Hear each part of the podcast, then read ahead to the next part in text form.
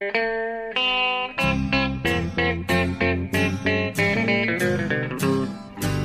out there, we're on the air. It's hockey night tonight. Tension grows, the whistle blows, and the puck goes down the ice.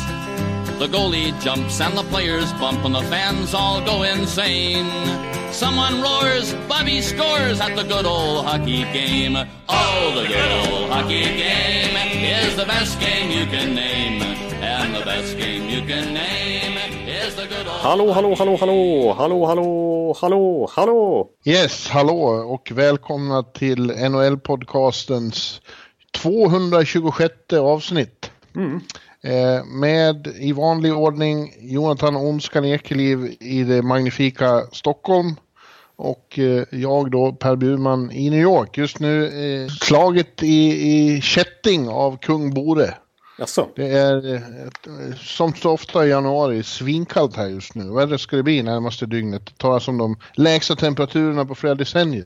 Oj, oj, oj, oj, oj, är det så pass? Ja, och det säger inte lite för det har varit kallt även under senaste decenniet då och då. Ja, Jag, jag reagerar ju med att du, du benämnde Stockholm som det magnifika Stockholm och New York. Det blev bara, ja, New York. Så det var lite anmärkningsvärt. Men ja, då förstår jag. Det är, det är ju mycket snö här också i Stockholm, men... eh, Jag ska erkänna en sak, jag tänkte säga det magnifika Örby, men så kom jag på att du sitter i redaktionen och, Ja, och, och då är du ju inte i Örby riktigt. nej, alltså magnifika Örby, det hade jag inte reagerat på. För det, det vet jag ju. Men, eh, ja. Ja, ja. Fast Stockholm är väl eh, väldigt magnifikt. Kanske inte den här tiden på året, men på somrarna är det ju eh, en av eh, världens verkliga pärlor faktiskt. Det kan man säga. Ja, det kan man verkligen. Ja, ja men du, men eh, så här är det att eh, Bjurre har eh, nyligen kommit hem från San Jose. Mm. Och det, det förstärker ju, eh, ja, ni kanske minns från i, förra veckan, och då var jag i Denver när vi spelade in. Just det. Och från Denver åkte jag vidare till San Jose, Kalifornien för All-Star-helgen då. Och eh, ljummen, ja, tidig sommar som det känns i Sverige, så är det i San Jose även i Ja. januari. Oj, oj, oj. Det var mycket, mycket, mycket förföriskt var det att vara där. Ja, det förstår jag. Eh, på det sättet. Men ja, det var trevligt överhuvudtaget. Det var en, eh, var som vanligt med All-Star. Det är ju inte, det är inte för eh, den stora hockeykonsten man Nej, är nej. där. Men ändå, eh, det, är, det är väldigt kul för de yngsta fansen och därför ska, jag, jag skrev det flera gånger under helgen att därför ska vi väl inte vara så vi andra som ibland tar det här på alldeles för stort allvar kan väl lugna ner oss en helg på året. Ja, Och exakt. låta, låta, låta de yngsta bara vara hänförda och få se de största stjärnorna leka. Precis. Och jag kan tänka mig alltså eventet där på plats är väl ganska kul. Alltså vad man upplever genom tv-rutan kanske inte alltid är jättebra. Framförallt för oss hardcore-fans som ser NHL-stjärnor åka runt där och inte ta i. Men men det är ju maskotar och det är ett stort event liksom. Så det är verkligen riktat till den målgruppen. Och för Ja. att sälja in NHL på sikt liksom lite grann. Spelarna har kul själva och som sagt eh, sponsorerna och så de yngsta fansen. Det är de som framförallt har utbyte av det här. Och så då medlems, The Membership of Professional Hockey Writers Association passar ju på att ha en ganska grundlig firmafest. Ja, ja, ja. ja, ja. Mm. Jo, så jag kan tänka mig att du har eh, haft trevligt både i SAP Center eller vad den heter nu, San Jose-arenan där och även i kringliggande området så att säga.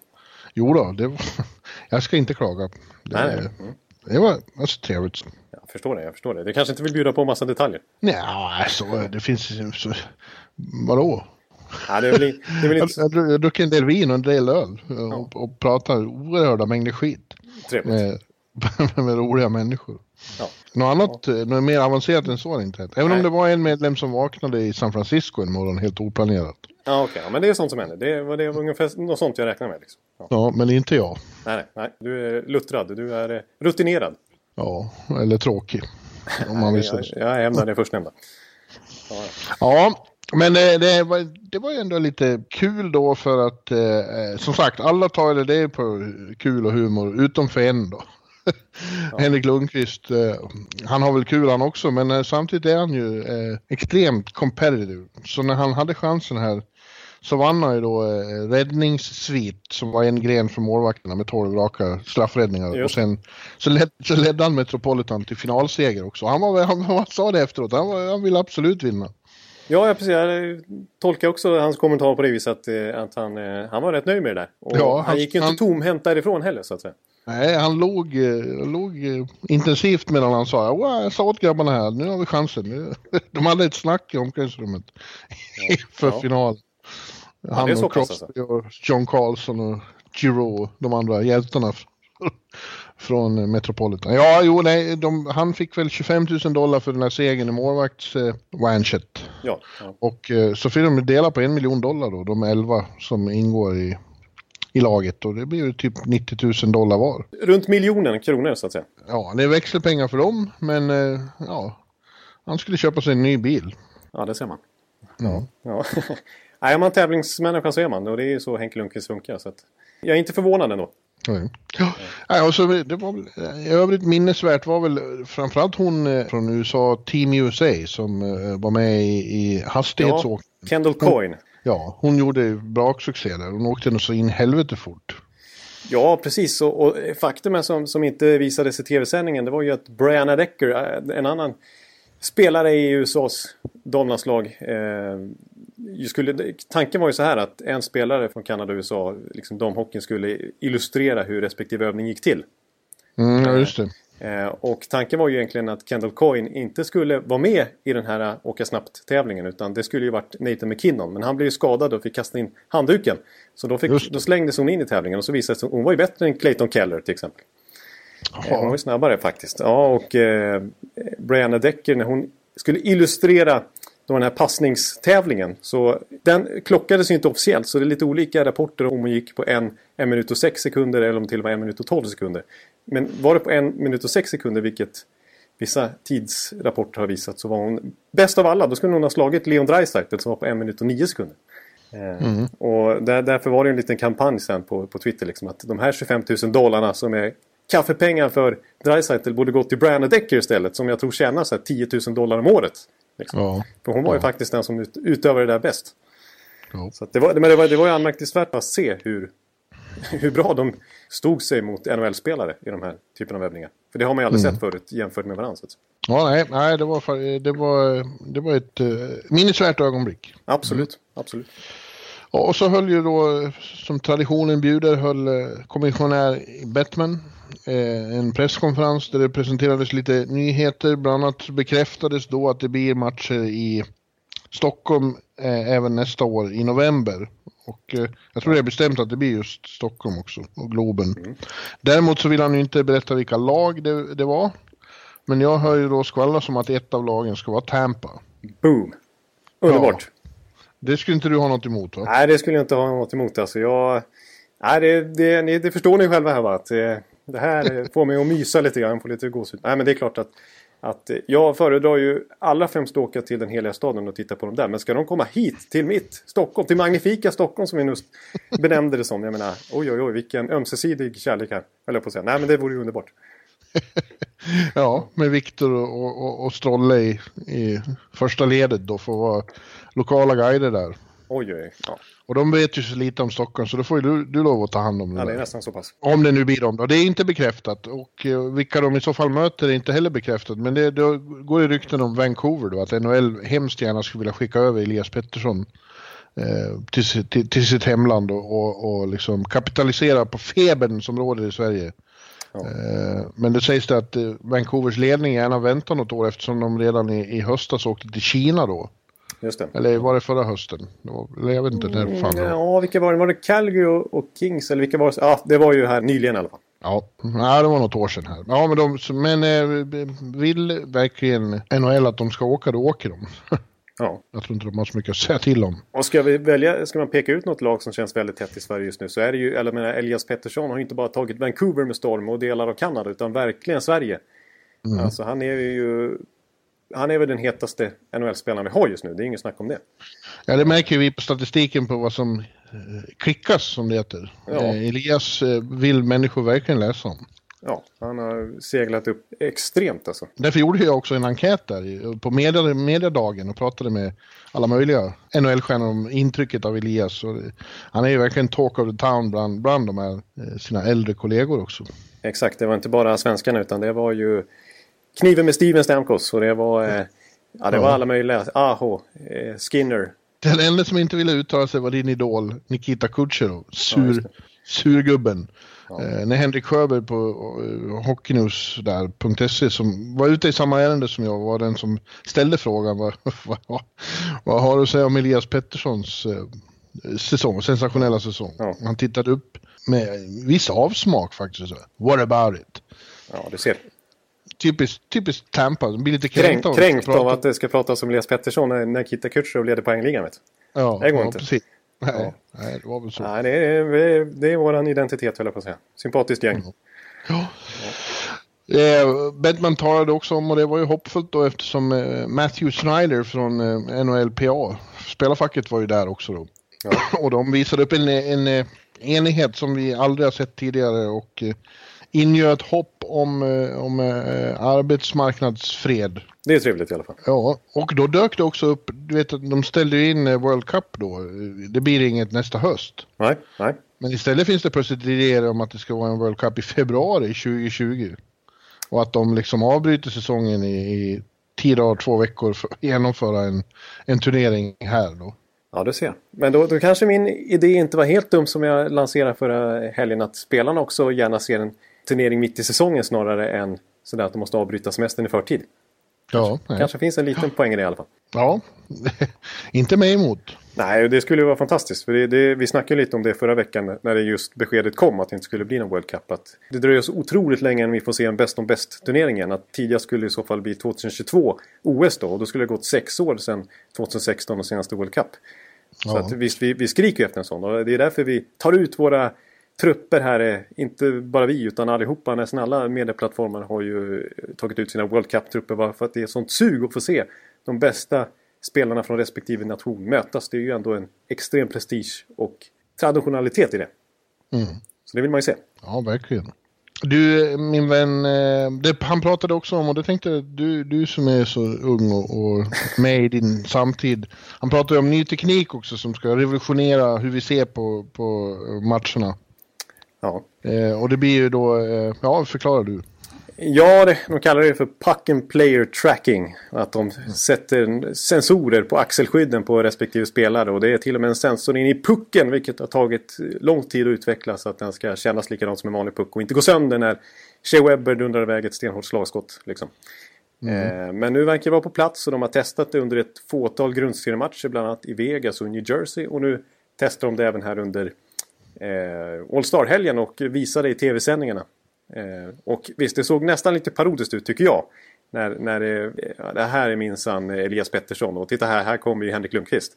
Alltså det, det, det, gav mig inte så mycket utan det blev mest kladdigt med massa, massa grafik överallt. På, ja, men det kommer inte se ut så i tv. Så du, man kan ju välja det själv då. Du kan till exempel sitta med din padda eller laptop och ta upp de här informationen ja. i, in real life så att säga. Precis, och det är klart att när det här sätter sig och ju, ju mer tekniken utvecklas som till slut faktiskt är på plats ändå nu. Eh, så är, kommer det ju ge betydligt mer precisare statistik. För den här är ju väldigt bra den här tekniken som kommit fram nu verkar det som. Den eh, kan ju, pucken kan ju uppfatta saker, 2000 saker i sekunden eller sånt där läste jag. Ja, och det kan inte de här gubbarna som just nu sitter på, på läktarna och, och för statistik manuellt. Nej, precis. Det blir ju inte samma det är på varje match är det alltså ett gäng på 10-15 man som sitter på, på pressläktaren och, och håller koll på den officiella statistiken. Ja. Och den är, det ser man, den, är ju extremt oprecis. Den haltar. Ju, ja. ja, och för, när man träffar dem så förstår man precis varför höll jag på att säga. ja, du har inte talat så varmt om dem, hur deras arbetsinsats. Nej. Nej, jag har förstått det också. Så det, blir, det är väldigt eh, mycket bättre på det sättet, att, att det blir mer tillförlitlig Exakt. statistik. Och, och, det är ju viktigt nu för tiden som fan. Samtidigt ja. uttrycktes det oro där att, den här, att det skulle användas i löneförhandlingar och så. Jag förstår inte riktigt varför. Det är väl bara sanningen. ja, precis. Men det är väl spelare som är kanske... Kanske. säg inte nej, säg kanske, kanske, kanske. Ja, men spelare som kanske har byggt upp karriär lite grann på att dumpa, dumpa ut puckar och ja, men sådana här som inte premieras i den här possession-drivna statistiken som mm. bygger på att det viktigaste är att hantera Nej, det är tråkigt men, men det är ju fortfarande ett faktum då. Liksom. Ja, exakt. Och det är klart. Och samtidigt har jag förstått också att initialt så kommer den här, all den här datan som den här nya tekniken kommer ta fram kommer förmodligen inte vara tillgängligt i en början för oss i allmänheten. Utan Nej. bara för klubbar, klubbarna, liksom, för den kommer vara NHLs rättighet som de kommer hålla ganska hårt på. Och det är lite tråkigt tycker jag. Men, men det är delvis för att spelarna vill, vill ha det så. De vill inte att allt som de presterar ska vara tillgängligt. Nej. Kanske är som att vi inte vill att se hur få som klickar på våra artiklar. Ja, just det. ja. ja. Nu ja, vart han tyst. Ja, nu blev jag tyst. Ja. Nej, men det, det, det kommer ändå... Jag gillar ändå det här. Det kommer liksom en sak som målvakter. Liksom. Nu, nu går man ju mycket på räddningsprocent och goal against average och sådana här gamla statistik som man har bedömt målvakter utifrån i 20-30 år eller mer än så till och med. Eh, nu kommer man ju kunna se liksom från vilka vinklar skotten kommer, om, eh, liksom, i vilken grad de är skymda. Eh, hur hårda skotten är, hur lösa de är, var det, exakt från vilken position de kommer. Allt kommer ju vara väldigt tillförlitligt. Man kommer ju kunna se, bedöma målvakter till exempel väldigt tydligt. Och, mm. och även utespelare naturligtvis också. Och I förlängningen kan det här leda till, just nu verkar inte den tekniken vara helt på plats, vilket jag tycker var lite förvånande med tanke på hur mycket man kan göra med, med pucken och spelarna här. Men, eh, ja, men till exempel man kan ju faktiskt se om pucken är till 100% om den är över mållinjen eller inte. Då behöver inte det vara någon bedömning som någon mänskligt öga sitter och tar, utan det kan man ju faktiskt bevisa. Och, ja. och samma, kanske till och med, vilket ju man kan diskutera på sikt, men offside, eh, sex man på isen, sådana här svart eller vit bedömningar som inte är Alltså som inte är en, en, mänsklig bedömning som en hakning till exempel. Utan om den är inne i mål eller inte. Om det är offside eller inte, då kan man ju faktiskt bevisa det 100% eh, med ja. sensorer och sånt där. Så att, ja, det är bra. Eh, det hoppas jag att det här leder till. Så att, ja, ja. Jag är ändå positivt inställd. Ja, det får man se till att vara. Nu blir det ju så här, så det är ingenting att, att, att sitta och muttra över. Nej, det är bara att ta sig an den här möjligheten som, som ja. det här kommer ge. Ja, faktiskt.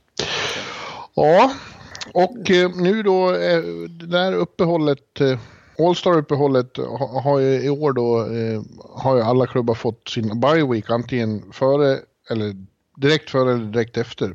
Så just nu är, när vi har vevat igång igen här så är schemat väldigt light. Det är väldigt få matcher på kvällarna.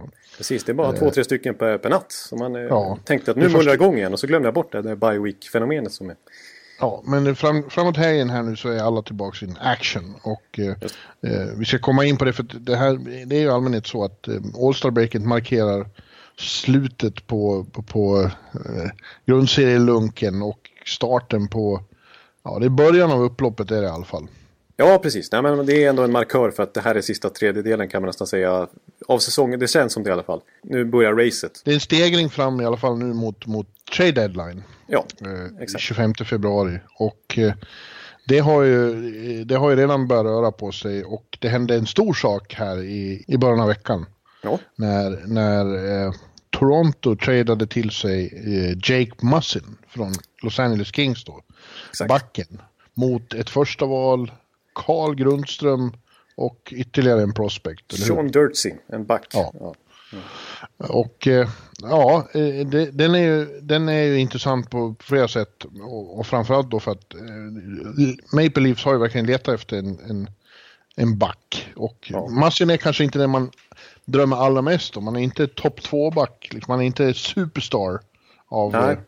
Letang, Hedman och Karlsson sort. Han är ingen Norris Trophy-mässig back. Men... Nej, men han är topp fyra back och, och bara det brukar vara väldigt svårt att hitta eh, och kunna förstärka med i synnerhet den som har flera år kvar på kontraktet och det här indikerar ju då att det, fler sådana kan bli in play innan 25 januari här och det är väldigt ja. intressant.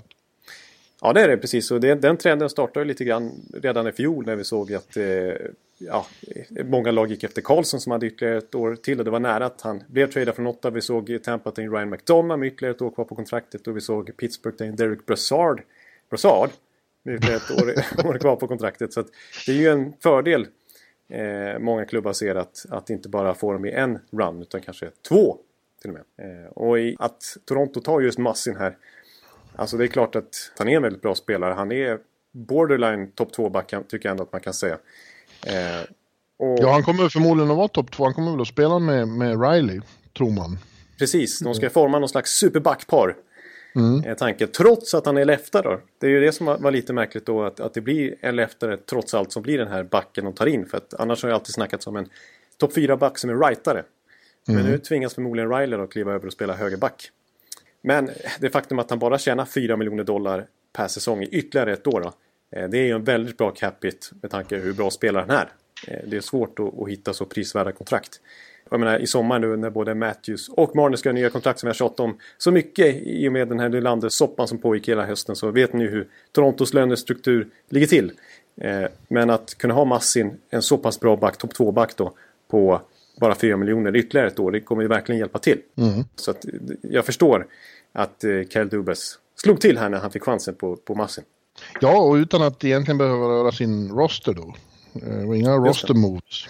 Utan Nej. han kan, de, de, de får en, en väldigt stark eh, stay at home-back, eller hur? Ja, ja, alltså, det- precis, ja, Det är en riktig sån av, av riktigt fin kaliber de har ju saknat. Liksom. precis. Och vi vet ju att han, Babcock gillar ju honom till exempel. Han tog ut honom i senaste World Cup 2016 och då kom inte backar som P.K. Subban eller Mark Giordano med. Så att han har ju ett gott öga till honom sedan tidigare. Eh, och visst, sett, underliggande siffror ser väldigt bra ut för Massin också. Om man bara kollar på ren corsi som jag brukar kalla för liksom possession-drivande kategori då. Att eh, det skapas fler skott framåt när han är inne på isen än bakåt. Och då har han ändå han lite grann defensiv stämpel på sig. Så att, han, är duktig på, han är duktig med klubban, han är duktig på att bryta anfall i egen zon. Han är duktig framför mål på att rensa bort spelare och puckar. Han eh, fyller ju många boxar som Toronto var ute efter att klogga igen så att säga. Mm. Mm. Eh, Så det, jag tycker det är en bra Ja. värvning. De, gör, de blir bättre av det här. Precis, och som du sa som jag måste bara lägga till också att de blir alltså i till exempel en Carolina deal som det var mycket snack om, alltså att de skulle gå efter en Falk eller Pesci eller till och med Slavin. Eh, nu, då hade ju Carolina velat ha en Kasperi Kapanen eller en Andreas Jonsson eller någon av deras absolut största prospects, kanske en Rasmus Sandin eller Timothy Liljegren. Och visst, Carl Grundström ser jag som ett bra prospect också, men de slapp ta från sin roster och de slapp ta från sin absoluta topp av prospect-buketten. Eh, så att, eh, bra. bra. Prospectbuketten, vilket vackert ord. Ja, det, det hittar jag på nu. Ja, och eh, vi hoppas ju då att det utlöser, att det blir dominoeffekter, att även eh, eh, deras främsta konkurrent, konkurrenter i Atlantic-divisionen, framförallt då kanske Boston och Montreal, ser sig tvingade att göra något nu också. Ja, precis. För Boston är ju, jag menar Montreal är inne i en speciell fas. Vi ska ju prata om, om det här, om, om flera, flera lag så här, men, men, men just Boston är ju verkligen inne i en contender-fas. Där de Ja. vill gå för det just nu. Så att, och det här flyttar ju Toronto ytterligare ett steg uppåt och ifrån Boston lite grann. Just nu i kvalitetsmässigt kan man väl ändå säga. Eh, så att eh, visst, det borde skicka en signal till dem att agera nu liksom. Och även andra contenders runt om i hela ligan. De har ju eh, markerat här eh, genom att vara först ut. Ja, ja. Samtidigt verkar det ju vara som att Los Angeles Kings är beredda att, göra mer. Eh, han, har ju, han har ju sagt, eh, Rob Blake, att det bara är eh, Anse Kopitar och Drew Dowdy som är, eh, Untouchable. ja, resten är in play.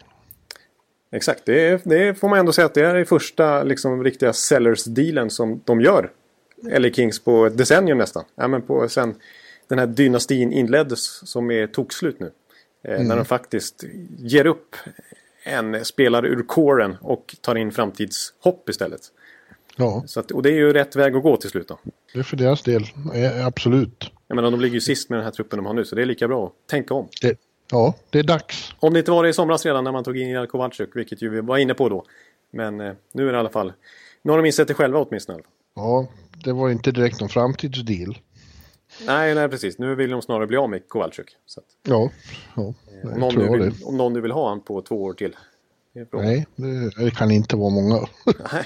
nej, men det pratas ju om att Jonathan Quick, det har varit inne på tidigare, men det blir mer och mer tydligt att han förmodligen kommer skeppas iväg. Om inte nu vid trade deadline så i sommar åtminstone. Alec Martinez, Jeff Carter.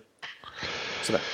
Ja, Hagelin pratas det mycket om också, att han kan vara eh, aktuell för en ny flytt. Just det, exakt. De försökte få till ett miljöombyte för honom och se om han kunde komma igång. Men eh, då visste redan då så, så var det snack om att Hagelin mycket väl kan flippas vidare om LA Kings fortsätter att halva i botten. Och det, så är ju fallet. Så att, jag menar, Hagelin har ju ett digert slutspelsmeritlista. Ja, men han har ju haft lite otur. Han fick ju den här säsongen ett spoilerad av skador. Ja ja, exakt. Så frågan är hur het han är då. Men, eh, ja, men eh, jag tycker i alla fall att Grundström är en intressant spelare som jag verkligen, även om han hade varit kvar i Toronto och konkurrensen som finns där, så såg jag ändå honom som en framtida NHL-spelare ganska, inom ganska snar framtid. För jag tycker han har varit väldigt bra, dels i SHL, dels i JVM och sen I AHL inte minst när han var starkt bidrag, bidragande till, ihop med Andreas Jonsson, att de vann. Att Marlies vann hela skiten där eh, förra säsongen. Och helt okej okay säsong hittills också där nere. Han är ju lite Viktor Arvidsson light. På det viset att mm. han är en mm. riktig sån ruggig motor och bara köttar på liksom. Eh, väldigt hög lägstanivå. Sen kanske ingen jättehög högsta nivå visserligen. Eh, han kommer ju aldrig bli någon first line-spelare i NHL. Men en väldigt habil middle six-spelare. Det var det nog kanske ingen som trodde om Viktor heller. För tre, fyra år sedan. Nej, det är sant. Han hade ju inte alls den offensiva uppsidan. Trodde man då. ja, Ja, men du, som du nämnde där så sa vi att vi tänkte den här veckan titta på, eftersom vi nu är då inne i, i en första stegring mot, eh, mot eh, ja, det stora slutmålet. Mm. Eh, hur det ser ut på, på slutspelsfronten. Eh, och vi tänkte ta konferens för konferens då, vilka som ligger där nu och vilka vi tror kommer att ligga kvar och vilka som kommer att bytas ut och i så fall mot vilka. Just det. Och eh, vi börjar som vanligt med öst. Ja, East Coast Bias. Ja, och där har vi ju några då som, eller ja, vi har ett lag som är helt eh, seglat iväg då. Eh, som kanske kommer till Stockholm i höst och det är ditt Tampa då som eh, de har 76 poäng. Eh, de har 13 poäng mer än närmaste konkurrent i konferensen. Ja, det är ju ganska mäktigt får, får man ju säga ändå. Ja, det får man. Ett tvåpoängssystem. Ja, och de är ju då helt säkra. I övrigt eh, så är det ganska eh, jämnt fast bara med två lag under strecket som har en eh, reell, realistisk chans att, att blanda sig i. Ja. Eh, och det är Buffalo och Carolina då som trycker på bakifrån. Buffalo var ju länge slutspelslag men har ramlat ner under strecket eh, mm. och eh, kämpar för att ta sig tillbaka. Så Carolina har ju haft en väldigt bra, efter sin traditionella svacka kommit tillbaks. Ja. och ja, vad, vad, vad, tror du då herr Ekeliv. Kommer någon av de två att kunna ta sig upp eh, ovanför strecket och i så fall på vems bekostnad? Ja, ja, jag har lite svårt. Alltså Carolina tycker jag är roliga att titta på. De spelar en bra hockey och är inne i en riktigt fin form just nu. Eh, samtidigt så tycker jag signalen därifrån är liksom eh, lite, inte riktigt ändå att de går stenhårt för det. Det pratas ju om att Michael Furlan ska tradas här inom två veckor kanske. Ja. Eh, och, och Hamilton. Precis, det, alltså det vore ju sensationellt om både Furlan och Hamilton som de offrade ja. här i somras för Hannifin och Lindholm redan försvinner då vid deadline. Liksom. Eh, då kan man verkligen snacka om olika utfall för respektive lag hur den traden, vad det blev av den traden. Eh, men mm. Furland har ju varit bra och Hamilton har kommit igång här på slutet. Han har fått mer förtroende, vilket han märkligt nog inte fick i början. Ja, så jag undrar egentligen hur, vad Carolinas plan är här. Om de tänker lite nytt igen det pratas ju fortfarande om backarna Falk, Pesci, att det är stort intresse för dem. Ska de tradas nu också? Eh, jag, jag, jag har lite svårt att, att skönja om, om Carolina verkligen går stenhårt för det uppifrån sett. Spelarna gör det naturligtvis, men på management-håll, Tom Dundon och gänget. Mm. Eller om de eh, ska fortsätta att sälja av och bygga runt sina unga spelare med Aho och gänget. Eh, Sveshnikov, Slavin som fortfarande är ung anser jag. Och ja, flytta fram satsningen ytterligare ett år så att säga. Mm. Nej, jag hör vad du säger. Det är, det är mixade signaler därifrån. Men eh, de är inte långt ifrån ändå. Men ja, de är fyra poäng då. Eh, men Buffalo då, som är närmast, de tog en, en mediterande seger borta mot Columbus i, i går natt. Eh, mm. Och har då bara, de är bara två poäng bakom Pittsburgh nu då. Men grejen är, man har, på, på, på wildcard-platsen är det Pittsburgh och Boston. Och man har ju svårt att, att, att, att se att de skulle inte gå till slutspel. Nej, nej precis. Nej, de räknar jag som givna slutspelslag trots allt. Och de ser jag verkligen som har en självbild av sig som contenders också och kommer därför förstärka här kommande månaden. Alltså, oh. Jag ser inget annat scenario. Det ryktas ju om att båda lagen är ute efter forwards och i Boston kanske en tredje center och kanske någon ytterforward dessutom. Och i Pittsburghs fall så de är ett lag som rycker Michael Furland till exempel. Ja. Att, eh, Tidigare hade jag sagt att de, som jag skulle kunna tänka mig, eh, tappar under slutet skulle vara Montreal då, som nu är trea i Atlantic. Men, men jag är inte så, det känner jag mig inte så särskilt säker på längre. Jag tycker de spelar väldigt bra med sin nya identitet eh, och ja. sina många unga små killar. Precis, det är bara att fortsätta att konstatera det. Och Claude Julien nämns ju som en... Eh, alltså, nu är ju Barry Trotz springer iväg med den Jack Adams-trofén. Men men eh, Claude Julien nämns ju som en kandidat till att bli nominerad Med tanke ja, på hur det, alltså uppifrån sett med, med Mark Bergevin och eh, Trevor Timmons, hans assisterande där, hur de har förändrat identiteten. Men den, där har ju Claude Julien verkligen suttit med i alla möten och varit helt med på idén också. Också velat förändra Montreal till ett helt annat lag. Det här väldigt speediga, moderna gänget. Som mm. känns väldigt stabilt. De har, jag tycker också att de har en ganska hög lägstanivå i matcherna. Och känns som att de har något, ett, ett spelsystem att falla tillbaka på ofta som gör att de känns habila. Ja, och dessutom har Carey Price varit väldigt bra också igen på slutet. Mm. Var det att känna igen. Det går ju lite trögare för vissa andra då. Columbus nämnde jag där och, vi får se. De har ju tagit viss pride i att eh, de inte har eh, låtit sig påverkas av allt som, som pågår i, runt om. Eh, ja. The noise. Men nu har ju det, ljudstyrkan i det noiset ökat igen eftersom Panarin har meddelat att det blir inga förhandlingar förrän säsongen är över. Exakt. Eh, och Bobrovski blir det inte heller några förhandlingar med. Och nu, måste det, nu kommer det snart till, en, till en, eh, ett vägskäl där de måste bestämma om de ska behålla dem och gå för något stort i vår eller, eller traila bort dem helt enkelt och få någonting för dem så de inte försvinner för ingenting och gör, gör en Tavares åt dem. Exakt, för nu, är, nu tycker jag att det känns så tydligt och det är de signalerna de uppenbarligen har fått själva också att de kommer inte kunna behålla någon av de här. Eh, det blir så här att antingen så tradar de nu eller så går vi för ordentligt under, under våren och så tappar vi dem garanterat gratis under sommaren. Så det är de alternativen som finns. Det finns inget alternativ att eh, förhandla om ett nytt kontrakt efter säsongen. Även om Panarin fortfarande säger att ja, vi kan börja snacka då. Men det, det kommer inte ske. De, han vill inte stanna, Bobrovski vill inte stanna heller. Eh, så att eh, det är verkligen ett svårt beslut för en organisation som aldrig, den enda NHL-klubben som aldrig vunnit en slutspelsrunda.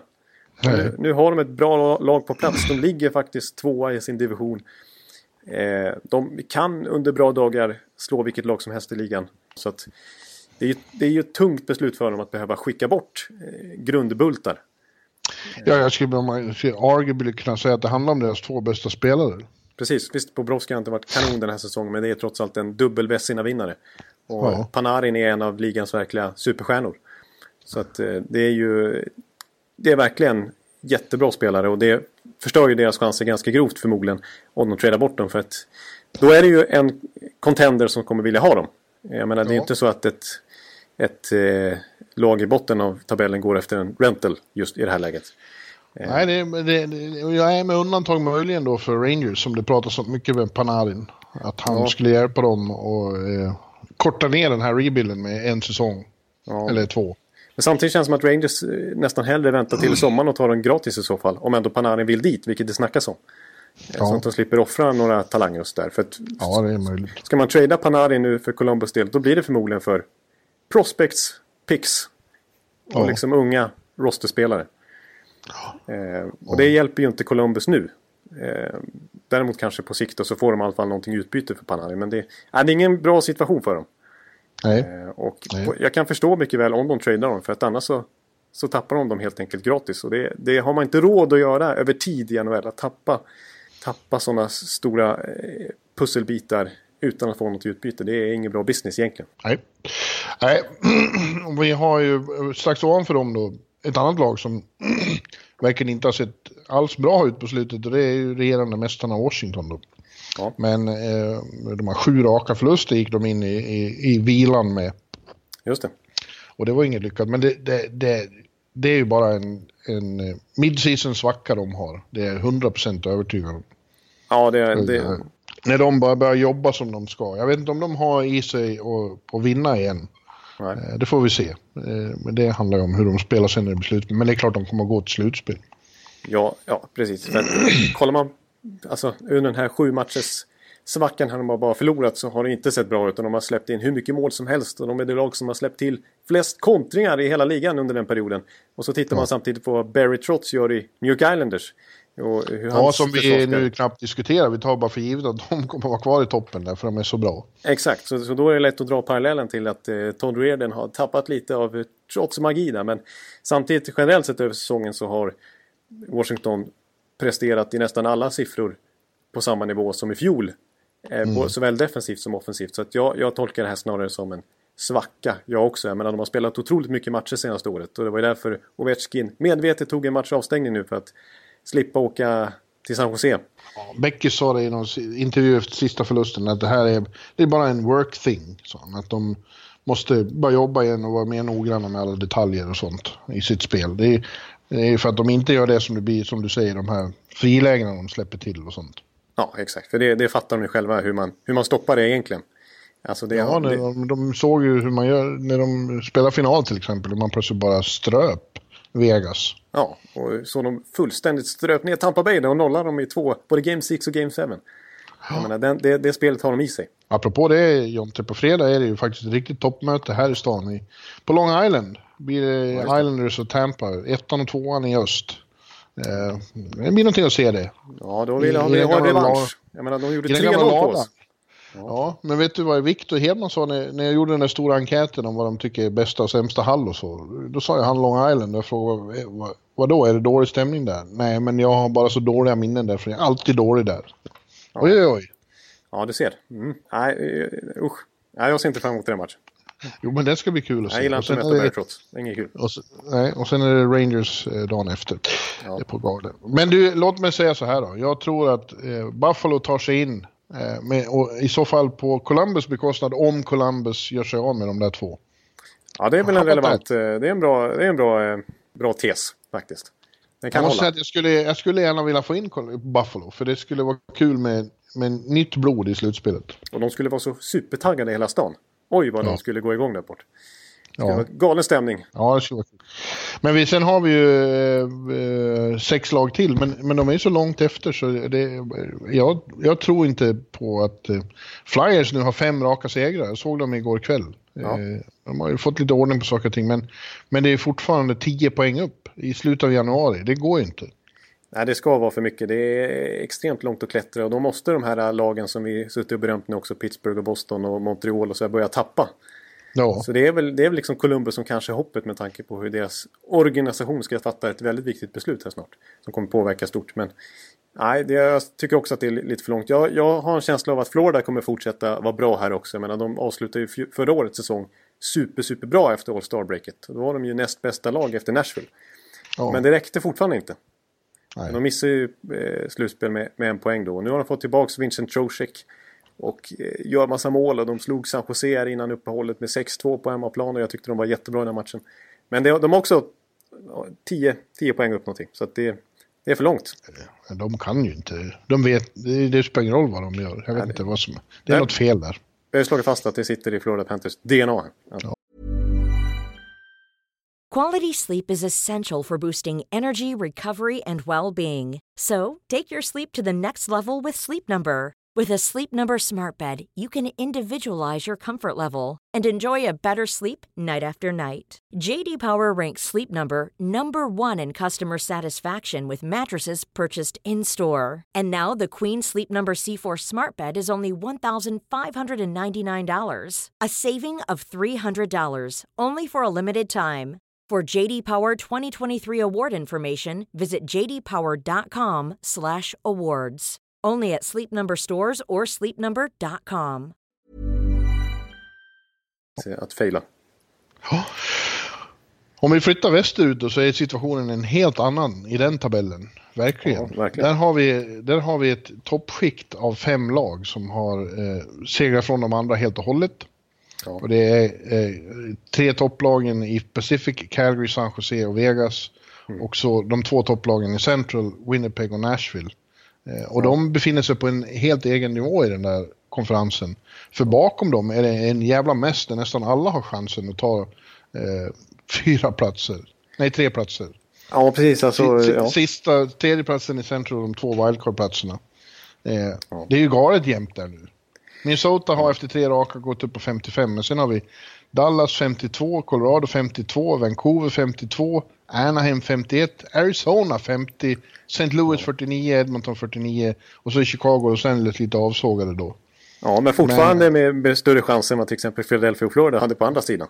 Ja, det är ju helt sjukt. Alltså Arizona är två poäng under strecket bara. Och man har tyckt uh, de och St. Louis och Edmonton har haft, och Anaheim inte minst, haft ja. skitsäsonger.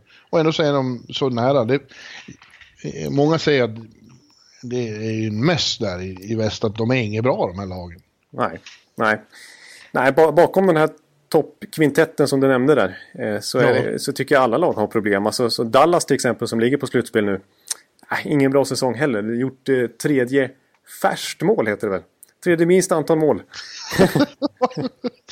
Tredje färs. Ja, man, man, ja jag har förstått. Man kan inte säga det för alla börjar garva. Men det heter färskt. Nej, det gör det. Jo, jo det gör det. det. Det här måste ni googla. Köttfärs har jag hört talas om. nej, Nej, det är jävla köttfärs färskt antal mål. På gammalsvenska Nej. Okej, jag, ska- okej, jag lägger ner. Ja, låt mig, jag har googlat det här nu. Superfärskt behöver vi egentligen inte uppfinna. Det var levande, om än sällsynt i svenskan, ända in på 1800-talet. Oj, Så du kanske, kan, du kanske kan uppdatera ditt språk en smula. Okej, jag, jag är kvar. Jag, jag alltså... Nej, förlåt. Nej. Nej. Ja. Ja, nej, Nej, de gör lite mål, kan vi slå fast. ja, det kan vi göra. Och eh, Montgomery har ju själv beklagat sig över media att han... Ja, om det inte är ägarna som säger att de spelar som horseshit så säger han i alla fall att hans största besvikelse är att I haven't been able to change the culture of mediocrity. Nej. Nej, man, man tycker man bara får en massa frustrerade signaler därifrån, från Texas. Och ändå Ja. så är de som sagt på slutspelsplats. Ja, men det är, nej, jag tycker fortfarande, jag menar Nisurskin till exempel, fortfarande noll mål den här säsongen. Ja. Det är otroligt. Eh, så att, nej, det, det, det, det vill, det jag tycker... Ja, det Jag vill, ju, jag vill ju gärna se att Colorado är ett av de där topplagen också, men de har ju haft väldiga problem på slutet. Det, det, de där matcherna jag såg eh, där förra veckan, de var ju ganska typiska tror jag. Ja. Att de spelar tidvis otroligt bra, men har slutar ju mål i rätt lägen. Precis, de har lyckats med den här jobbiga eh, egenskapen att hitta sätt att förlora istället för Ja. tvärtom. Trots att de är ganska bra. Jag tror ändå att, nu har varit inne på att vi tror ändå på Colorado ju. Men, eh, men om man ska nämna två lag som ligger utanför slutspelsstrecket som jag ändå tror lite på. Eh, måste jag säga. Det är två lag som är i princip helt skadefria nu. Som inte har varit det tidigare under säsongen. Som borde kanske kunna trenda uppåt lite grann. Och det ena laget är faktiskt Vancouver. Mm. Eh, Jag menar, nu, jag menar Elias har varit borta under perioder. Brock Besser likaså. Både Tannen och Edler har varit borta. Eh, de har Markström har ju varit skadad ibland och det har varit eh, Sven Berchi och såna här spelare, Brandon Sutter. Men nu är det liksom, jag tror inte de har en enda spelare uppsatt på skadelistan just nu.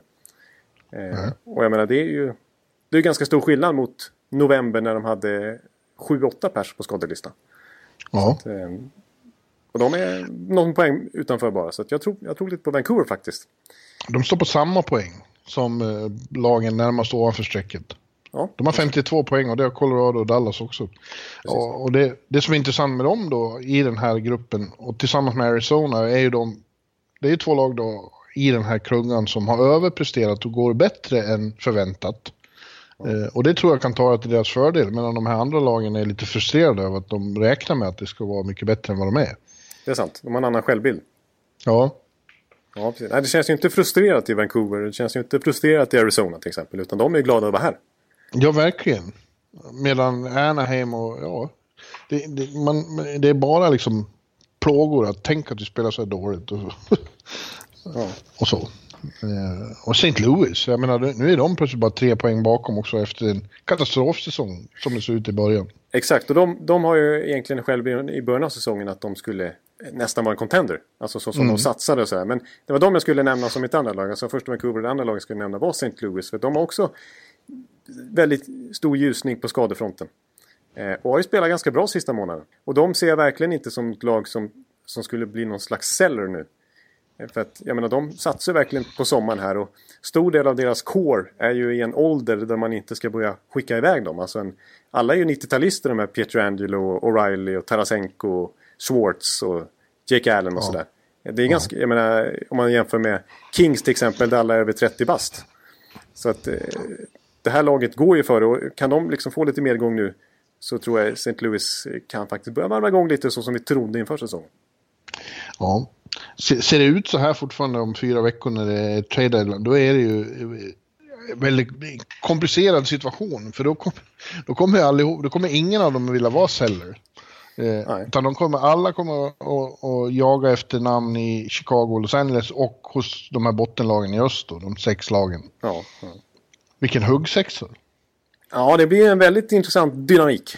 Alltså, Ja. Det kan bli huggsexa och det kan också bli lite så här, ja hur ska vi Ja, det, där, då kommer det verkligen krävas en dominoeffekt. Sådär, att, Ja. att no, när något lag tar steget och vinner en dragkamp, liksom, då kommer det kanske sättas i rullning helt plötsligt.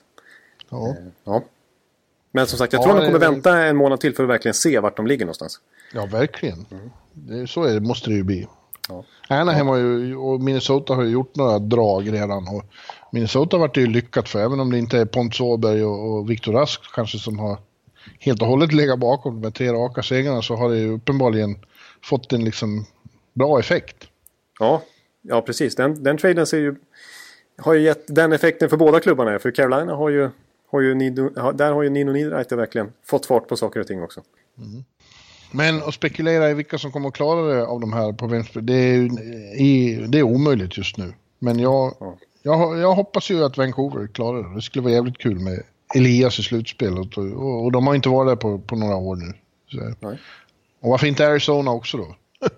Sätter lite Ja. färg på det hela. Ja, det, det, men det tycker jag är så konstigt. Arizona helt plötsligt har trummat igång nu och tagit ett, ett antal segrar. För där kan vi prata om skadeproblematik. Jag menar, till och med Ja. Ekman Larsson har ju varit, jag vet inte riktigt hur hans situation ser ut just nu, men han är ju skadad. Och eh, jag menar, Nick Schmaltz, deras stora nyförvärv från Chicago, när de offrade Strome. Eh, Är ju borta förmodligen resten av säsongen och det är liksom Grabner och det är många namn på skadelistan. Christian Dvorak har inte spelat på hela säsongen. Så att, Demers. Ja, precis. Så det, det är ganska feta namn ändå i, i deras, med deras truppmått mätt. Så att, ja, jag, jag, jag, jag tycker att det vore oväntat om en sån som Connor Garland fortsätter att ösa in mål och för Arizona till slutspel förbi Jamie Ja. Benn och Tyler Seguin i Dallas till exempel. Jag sa inte att jag trodde det, jag sa att jag tycker det vara kul. Ja, men just, just det de säger, de har inga förväntningar på sig just nu. Så att, eh, det kan ju tala till deras fördel. Jo. Ja. Eh, Ja. Ja, Ja, då, slänger, jag- då, då säger jag faktiskt att St. Louis går till slutspel. Jag slår fast. ja. Kul, kul. Det är en spelare som jag kommer att nämna åtminstone som bubblare på den lista vi ska avsluta med. Eh, En, en, en, eh, en härlig person som det plötsligt börjar gå riktigt bra för, vilket är jävligt kul. Eh, Men för att vi pratar ju om att vi tänkte helt eh, nu när vi ja, är framme vid det här skiftet och det har varit All-Star-uppehåll och vilka, vilka de tio bästa svenskarna är den här säsongen och då har vi sagt inte, inte rent generellt, för det vet vi ju ungefär vilka som är bäst, men vilka som har haft de bästa säsongerna, Ja. ja. eller bästa säsongen i, i år. Eh, De tio som verkligen har stått ut den här eh, 2018-2019. Ja, exakt. Eh, Och eh, ja, jag har gjort en lista och du har gjort en lista. Ja, precis. Det blir ju spännande att se. Ja, ja börjar du. Ska jag börja? Okej, men då, vi Ja. börjar nerifrån eller? Ska, ska, ska, vi, ta, ja, ska, vi, ta ett namn, göra. ska vi ta ett namn i taget eller ska vi rabbla hela listan på en gång? Och sen diskutera, eller hur tycker du vi ska göra? Ja, det, var, det hade vi kanske kunnat komma överens om innan. Ja, nej, här får ni höra live här nu hur vi, hur vi ska lägga upp det här. Men, ja, nej, men dra din lista då. ja. Eh, jag drar den eh, nerifrån och upp så att säga så att det blir lite spänning här. Vart jag, kom, vart jag landar i någonstans till slut. Nej, men på tionde plats har jag satt Filip Forsberg. Eh, jag drar ingen motivering just nu, jag bara läser upp. Nej. Nionde plats Viktor Hedman. Åttonde plats eh, Du har Niklas... redan med två som inte jag med alls. Nej, det är bra, bra. Åttonde plats Niklas Bäckström. Mm. Sjunde plats Viktor Arvidsson. Mm. Sen blir det en till Nashville-spelare på sjätte plats, Mattias Ekholm. Mm. Eh, femte plats Gabriel Anderskog. Oj, oj, oj. Ja, Mm. Ja, det kanske är för lågt. Eh, så att säga. På. På fjärde plats Elias Lindholm. Mm. Tredje plats har jag faktiskt Erik Karlsson. Ja. Andra plats Robin Lehner och på första plats Elias Pettersson. Jaha. Ja. Ja, eh, jag, jag vill redan säga då att eh, dina två första, där, eller lägsta då, Filip har varit, han är ju det egentligen, men men han har varit borta för mycket och, och eh, varit överskuggad av Viktor sedan han kom tillbaks, tycker jag då. Ja, ja. Ja, men du, Och det- Hedman, det- Hedman ja. har inte riktigt, ja men det, det kommer upp lite andra namn här. Jag gör samma sak. Ja. Mm. Eh, på tionde plats Gustav Nyqvist. Ja. Eh, På nionde plats Niklas Bäckström. Mm. Åttonde plats Erik Karlsson. Sjunde plats Viktor Arvidsson. Mm. Sjätte plats Mika Zibanejad. Oh. Som du inte hade ja. alls. Nej, precis. Men jag kan förstå. Jag kan förstå. Femte plats Mattias Ekholm, fjärde plats Elias Lindholm, tredje plats Robin Lehner, andra plats Elias Pettersson och första plats Gabriel Landeskog. Ja, ja, ja. Mm.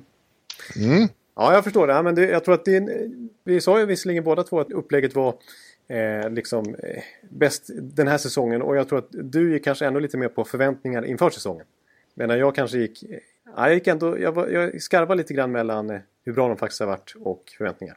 Ja, men ja, det är väl... Visst, Victor Hedman är ju bra, men, men han, har, han har verkligen inte varit dålig. Men han har ju varit mindre dominant än han var förra säsongen. Även, ja. om, även om det också då var så att han var ju bäst under andra halvan av serien. Som man ska vara. Exakt, och det är klart man har enorma förväntningar på honom när han är regerande Norris Trophy-vinnare. Ja. Men eh, jag, jag som tittar på Tampa så mycket i och med att jag är tok-supporter, jag har ju bara konstaterat, jag är lite färgad av hur bra han har varit sista två månader kan man säga sedan han kom tillbaka från sin skada. Eh, sett från den punkten och framåt nu så tycker jag han har varit en av ligans bästa backar. Och då vill jag ändå ja. ha med honom på topp 10. Ja, men det, det är rimligt. Jag, jag, säger inte emot dig. Eh, det finns, eh, jag såg någon match här innan uppehållet när han var helt enorm faktiskt. Ja, ja. alltså hans högsta nivå är fortfarande alltså Norris Trophy-mässig. Så är det ju. Mm. Sen, sen, jag funderar på Gustav Nyqvist som du har med också. Eller som du hade med och jag inte hade med. Ja, det var, ja, det var bara för, kanske för att jag, jag ville ha något annorlunda. Jag tycker han eh, har gjort det väldigt bra i ett lag som har det jävligt tungt. Precis, och han har verkligen, som varit inne på ofta, att han har satt upp sig för ett väldigt fint förhandlingsläge i sommar. Jag menar, hans marknadsvärde eh, visste vi inte riktigt vad det var inför säsongen, men nu på sitt kontraktsår där så har han verkligen stärkt, eh, lyft upp sig igen. Och det känns som att han mm. kommer kunna få ett ganska bra kontrakt i sommar. Och eh, mycket möjligt om han häver sin no trade-klausul kan vara en trevlig rental för contenderlagen. Ja, ja exakt. Verkligen. Så, ja. jag, vet, jag, vet, faktiskt inte om han vill det, men, men han skulle ju passa utmärkt i ett eh, Nashville eller ett, ja, nästan var som helst. Ja, precis. Vem skulle inte vilja ha en Gustav Nyqvist och ha i tredje kedjan till exempel då, så att man verkligen har bredd på eh, målskyttefronten. Mm. Ja, och Mika då ser jag mycket, det är samma sak där. Det är ett mediokert lag han spelar i men har, eh, jag, tycker han har gjort det riktigt bra och perioder som precis innan uppehållet här så var han grymt het. Ja, precis. Han hade han 2 plus 2 i någon match. Ja, ja eh, exakt. och gjort väldigt mycket poäng. Ligger ju bra till nästan en poäng per match faktiskt. Eh, och får ju enormt förtroende i ett ganska svagt Rangers visserligen. Men han gör ju, det ju, finns ju en anledning till att han spelar en 20-22 minuter per match.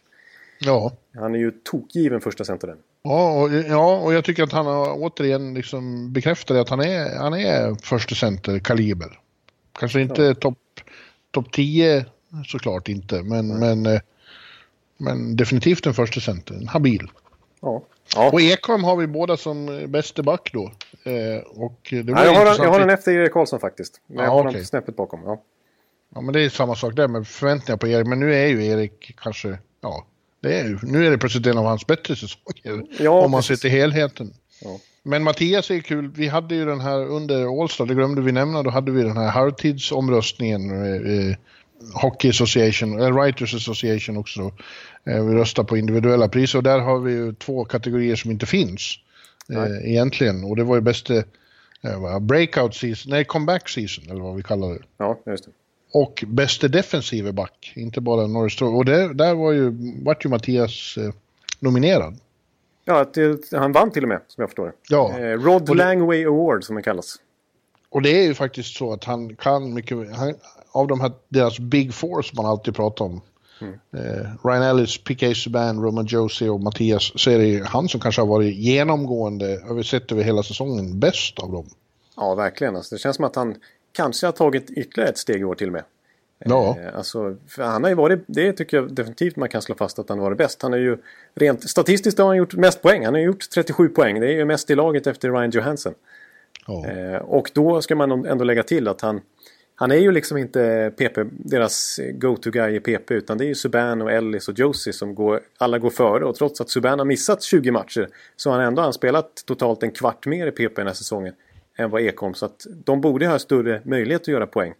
Men, men det är Ekholm som, som har verkligen fått till det offensivt i år. Och så är han ju deras absolut viktigaste defensiva back. Det är därför han får det här priset.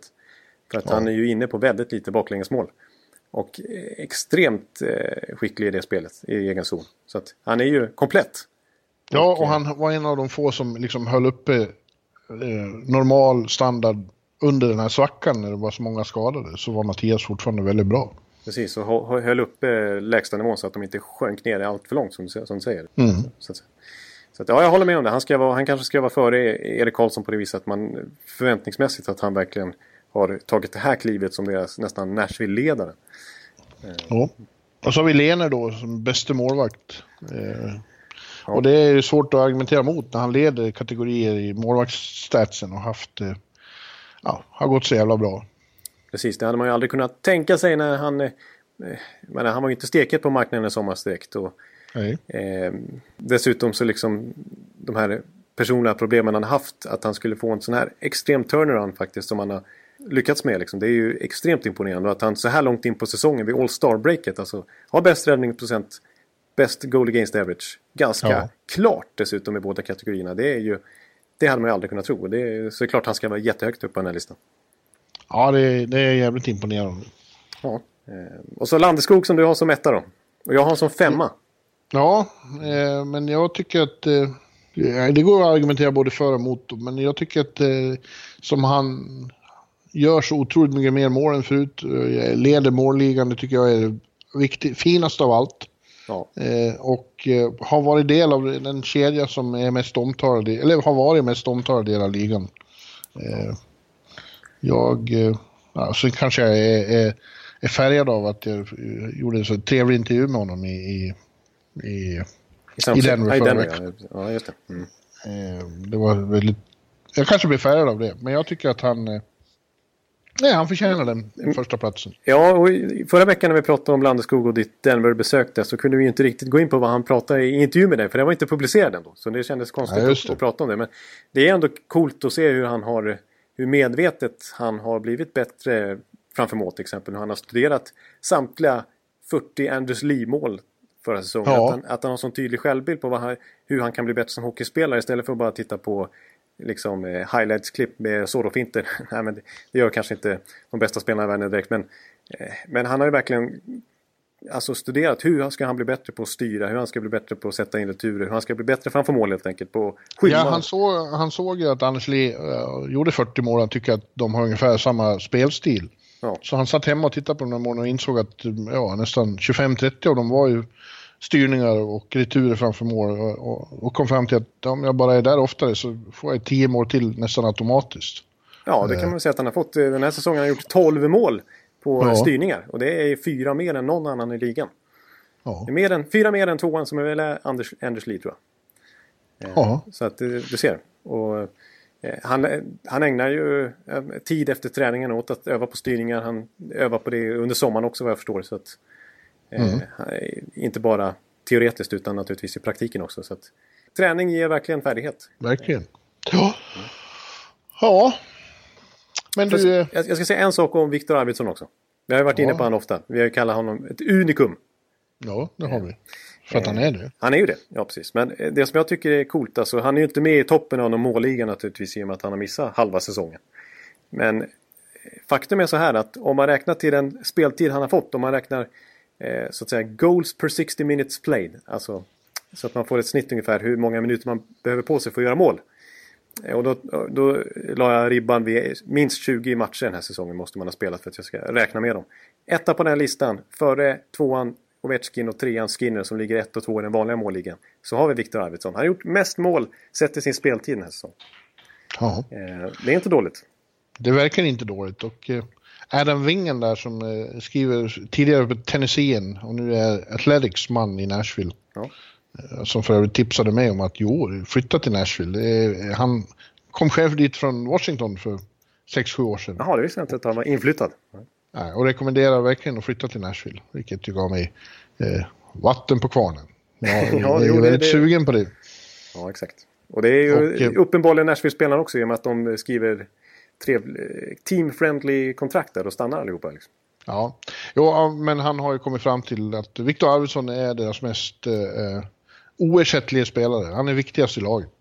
Ja, just det. Det är, det är ingen dålig statement från en som följer Nej. laget på daglig basis.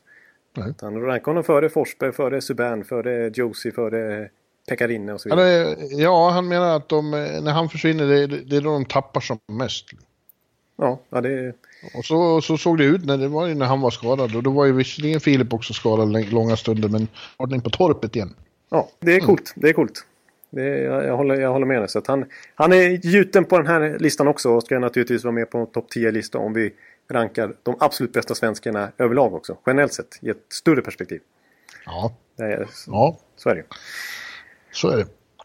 Ja. ja, men du, vad händer nu då? Eh, ja, nu ska jag... Eh, nu ska jag väl klippa ihop den. Nu behöver jag inte vänta till natten och så jobba färdigt på redaktionen. Utan nu kan jag ta... Smacka ut det här så snabbt som möjligt. Ja, det, mm. ja jag ska ge mig ordning här. Jag har ju min vän Länsman. Också känd som Bussen. Bussen ja, Bullen. Bussen eh, det är coolt. Bullen och, och, och, allt. Maserskolans Lans och allt vad han heter. Oj, oj, oj. Kärt barn Han har fler smeknamn än vi har. Ja, han bor ju här nu och eh, ja, som min hustomte och personliga kock. Ja, det är inte dumt. Nej, så vi, men vi ska, idag är jag ledig så vi ska gå ut och, och skrota på gatorna. Kanske ta en öl någonstans. Ja, men det låter ju otroligt trevligt.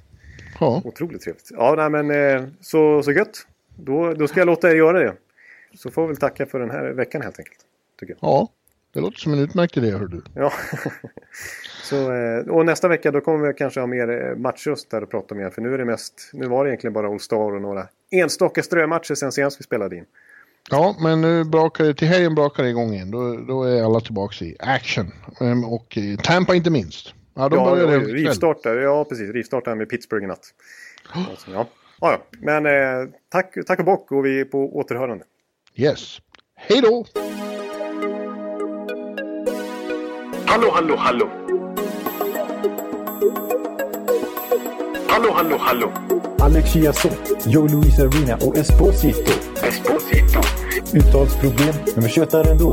Och alla kan vara lugna, inspelningsknappen är på. Bjuder Hanna Kohl, han är grym med sin roll. Från Kållesoffan har han fullständig kontroll på det som händer och sker. Det blir ju allt fler som rattar in hans blogg. Och lyssna på hans podd. One, two, time, speed, so Hallå, hallå, hallå. One, two, speed, so Hallå, hallå, hallå. Ekeliv, som är ung och har driv. Verkar stor och stark och känns allmänt massiv. Han hejar på Tampa och älskar Hedman. Sjunger som Sinatra. Ja, och det ser man. Nu är det dags för refräng. Dags för magi, Victor Norén. Du är ett geni. Så stand up at home and remove your hats. Höj volym, för nu är det plats. One, two, speed, so Hallå, hallå, hallå. One, two, time, speed, so Hallå, hallå, hallå. One, two, time, speed, so Hallå, hallå, hallå. One, two, time, speed, so Hallå, hallå, hallå. Det är otroligt länge sedan båda samtidigt var så här bra. Hallå, hallå, hallå. Det är otroligt länge sedan båda samtidigt var så här bra.